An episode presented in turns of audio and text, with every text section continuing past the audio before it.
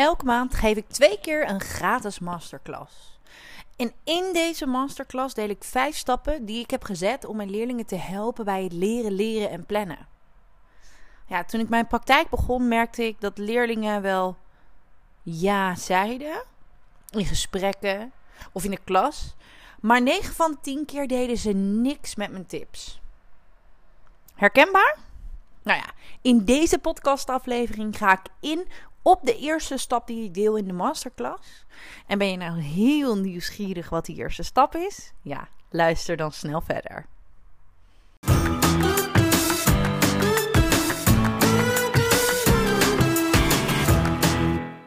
Hey, wat leuk dat je luistert naar de podcast van het Leerlab.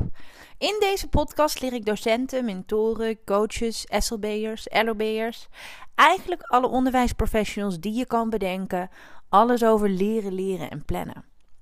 Wat zegt de wetenschap? Wat zeggen de onderzoeken over deze onderwerpen? Maar nog belangrijker, hoe vertaal je dat naar de praktijk? Ik ben Laura en met het Leerlab heb ik een grootse missie. Namelijk alle leerlingen in Nederland en België leren, leren en plannen. En om deze missie te bereiken ben ik heel actief op Instagram en maak ik elke zondag deze podcast. Ik hoop je te inspireren, maar ik hoop je vooral in beweging te krijgen zodat het leren en plannen makkelijker wordt voor je leerlingen. Ja, daar zijn we weer. Ik moet wel zeggen, met wel een beetje, beetje moeite. Um, want ja, meer dan uh, een jaar geleden, misschien al wel bijna twee jaar, nee, nog niet twee jaar, heb ik natuurlijk met mezelf afgesproken. Ik ga elke week een podcast maken. Elke zondag komt er een podcast online. En tot nu toe heb ik dat elke zondag gedaan. Elke zondag om 1 minuut over 10 staat er een aflevering voor je klaar. Maar ja, deze week, deze week was gewoon een beetje hectisch. Er is veel gebeurd. Afgelopen donderdag hebben wij de sleutel van ons nieuwe huis gekregen. En dan hadden we ook een vrijdag. En die eerste ja, klusdag hebben we, of de, de eerste dag hebben we direct als klusdag gebruikt. En um, hebben heel veel gedaan. Want er, we hebben een woning gekocht uit 1993. En de mevrouw die daar woonde, mevrouw op leeftijd, die woonde daar al vanaf het begin. Dus het huis was goed doorleefd. En uh, ja, er moet gewoon echt wel wat aan gebeuren. Zo zijn we, uh, hebben we de eerste dag al direct de hele vloer verwijderd. Um, hebben we in, op de benedenverdieping voor een heel groot gedeelte al het behanger afgehaald. We hebben boven in huis lag er rood tapijt.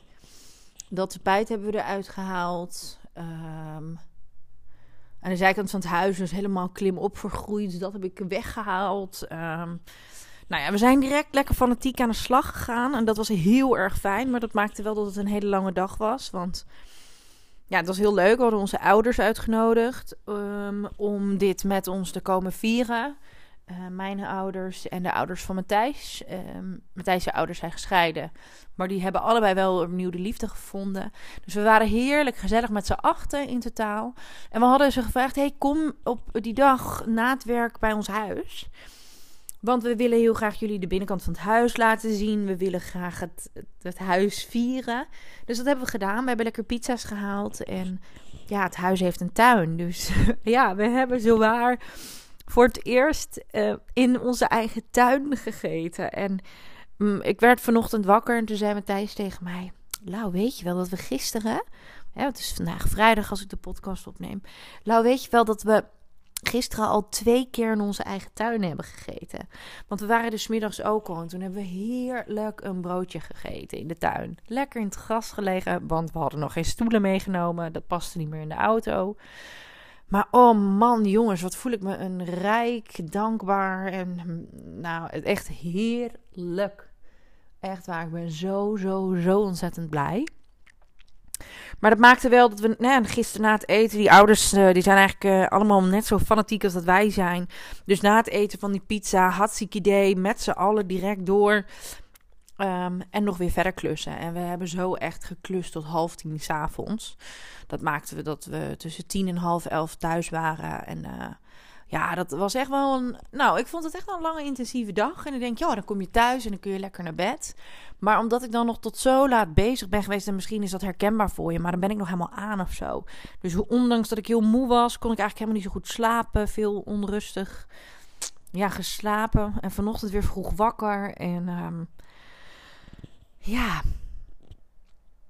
En vandaag was ik wel aardig uh, kapot. En toen dacht ik, oh jee, hoe moet het nou? Want ik heb nog een gratis masterclass. En uh, dit weekend moeten we natuurlijk ook nog heel fanatiek, uh, fanatiek gaan klussen.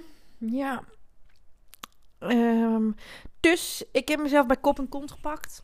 Ik heb ehm, de masterclass gegeven. En eigenlijk was ik heel blij met de masterclass. Want het ging echt heel goed. En in de masterclass uh, doe ik aan het einde van mijn verhaal, geef ik de mensen ook de mogelijkheid om met een fixe korting en een aantal bonussen uh, in te stappen in uh, mijn online training. omdat ik vind, tof vind dat ze de moeite hebben genomen om daarbij aanwezig te zijn. En nou ja, de eerste mensen zijn vandaag alweer ingestapt. En ja, dat maakt me dan toch ook echt wel weer heel trots. Ik ben zo blij dat ik zoveel mensen, onderwijsprofessionals, kan helpen. En uh, ja, vanmiddag nog weer wat dingen voor het huis gedaan. En uh, nou ja, ik moet zeggen, het is nu bijna acht uur s avonds. En ik denk, ja, als ik nu die podcast niet ga opnemen, dan weet ik echt niet of het me gaat lukken en hoe. Want zaterdag en zondag staat gewoon weer volle bak in het teken van het klussen, omdat de bouwers daarna weer aan de slag moeten. Dus ik, heb, uh, ik zit op de bank. Ik heb net gegeten. En uh, ik ga deze podcast voor je opnemen. En omdat ik zo moe was, moest ik ook even bedenken: hey, waar ga ik het over hebben? En toen dacht ik eigenlijk aan vanochtend. Want vanochtend heb ik die masterclass gegeven. En bij die eerste stap die ik deel, um, is altijd zo ontzettend veel herkenbaarheid. En daar wil ik je vandaag dus ook meer over vertellen. Over stap 1. En uh, dit is een van de stappen die ik dus ook in mijn gratis masterclass deel. En denk je, oh wat leuk, die gratis masterclass, dat lijkt mij nou ook wat. Of je denkt, hé, hey, dat lijkt me nou ook wat, want hè, dat doet ze een tof aanbod voor de online training. Dan kun je je uh, aanmelden via de link die ik in de show notes zet. Um, er staan meestal wel meerdere data beschikbaar, dus uh, klik gewoon lekker een data en een tijdstip uit dat het jou uitkomt. En dan... Um, nou ja, hoop ik je daar te mogen ontmoeten.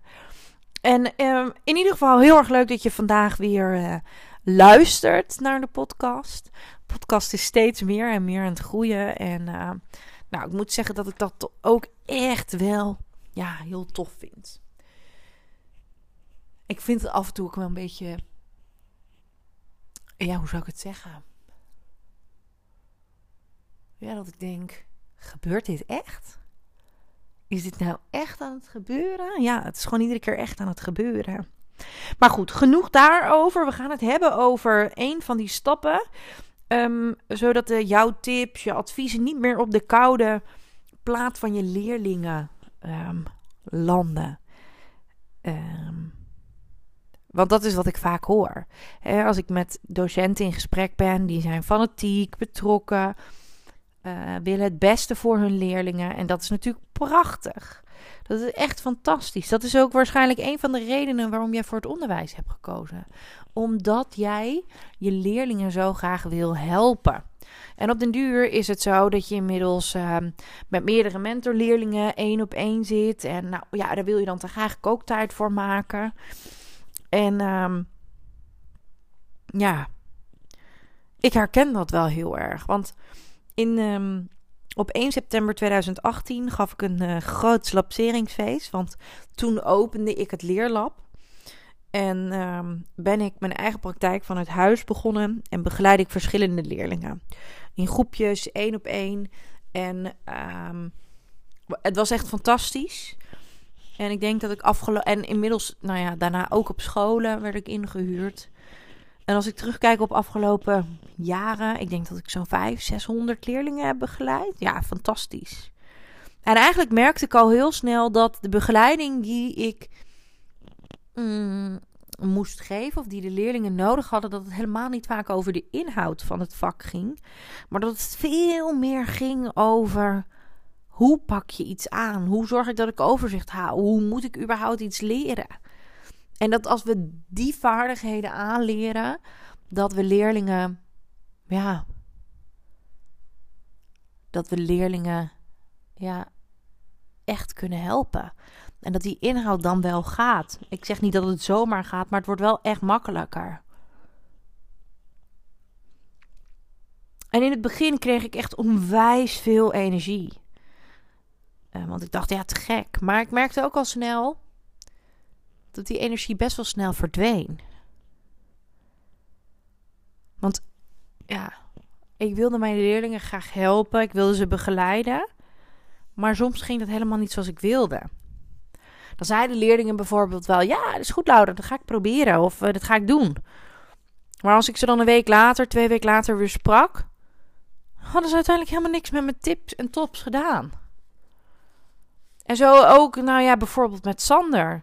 Sander kwam bij mij in de praktijk en. Um, Sander was een hele slimme jongen, maar Sander had nog nooit echt hoeven leren. Want hoe deed Sander? Het Sander. Ja, Sander was aan het doorlezen. Waarschijnlijk erg herkenbaar voor je. Dus ik had gesprekken met Sander. hey, hoe kun je leren? Hoe zou je dat kunnen doen? Mag ik je een tip geven? Allerlei verschillende dingen. En in zo'n gesprek zei Sander dan tegen me: Ja, is goed idee. Ik ga biologie op deze manier leren. En dan sprak ik hem die week daarna en vroeg ik hem en zei: Nee, dat werkt niet voor mij. Ik uh, ben toch lekker gaan lezen.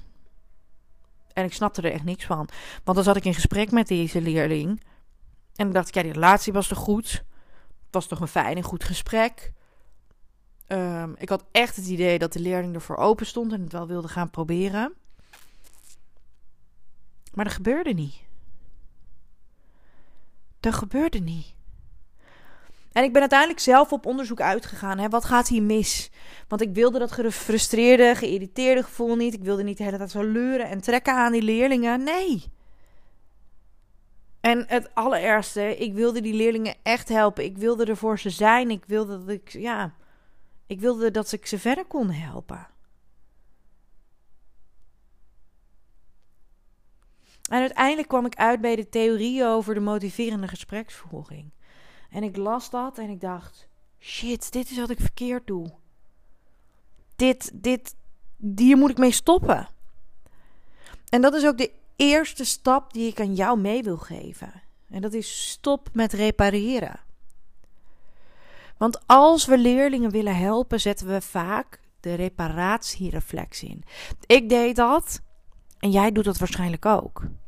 En ik zal je meenemen in een voorbeeld. Hè, we hebben de mentor, mentor um, uh, van Eva. En uh, de mentor is met Eva in gesprek. Omdat het op school even niet zo lekker gaat. Eva heeft geen overzicht. Eva ervaart stress. Ze heeft geen idee wat er moet gebeuren. Ze heeft haar huiswerk niet af. Ze levert taken te laat in, verslagen. Ja, je zou kunnen zeggen: Eva die blijft eigenlijk maar achter de feiten aanlopen. En de mentor van Eva, die ziet direct de oplossing. Die ziet, en jij weet dat waarschijnlijk ook als je dit hoort.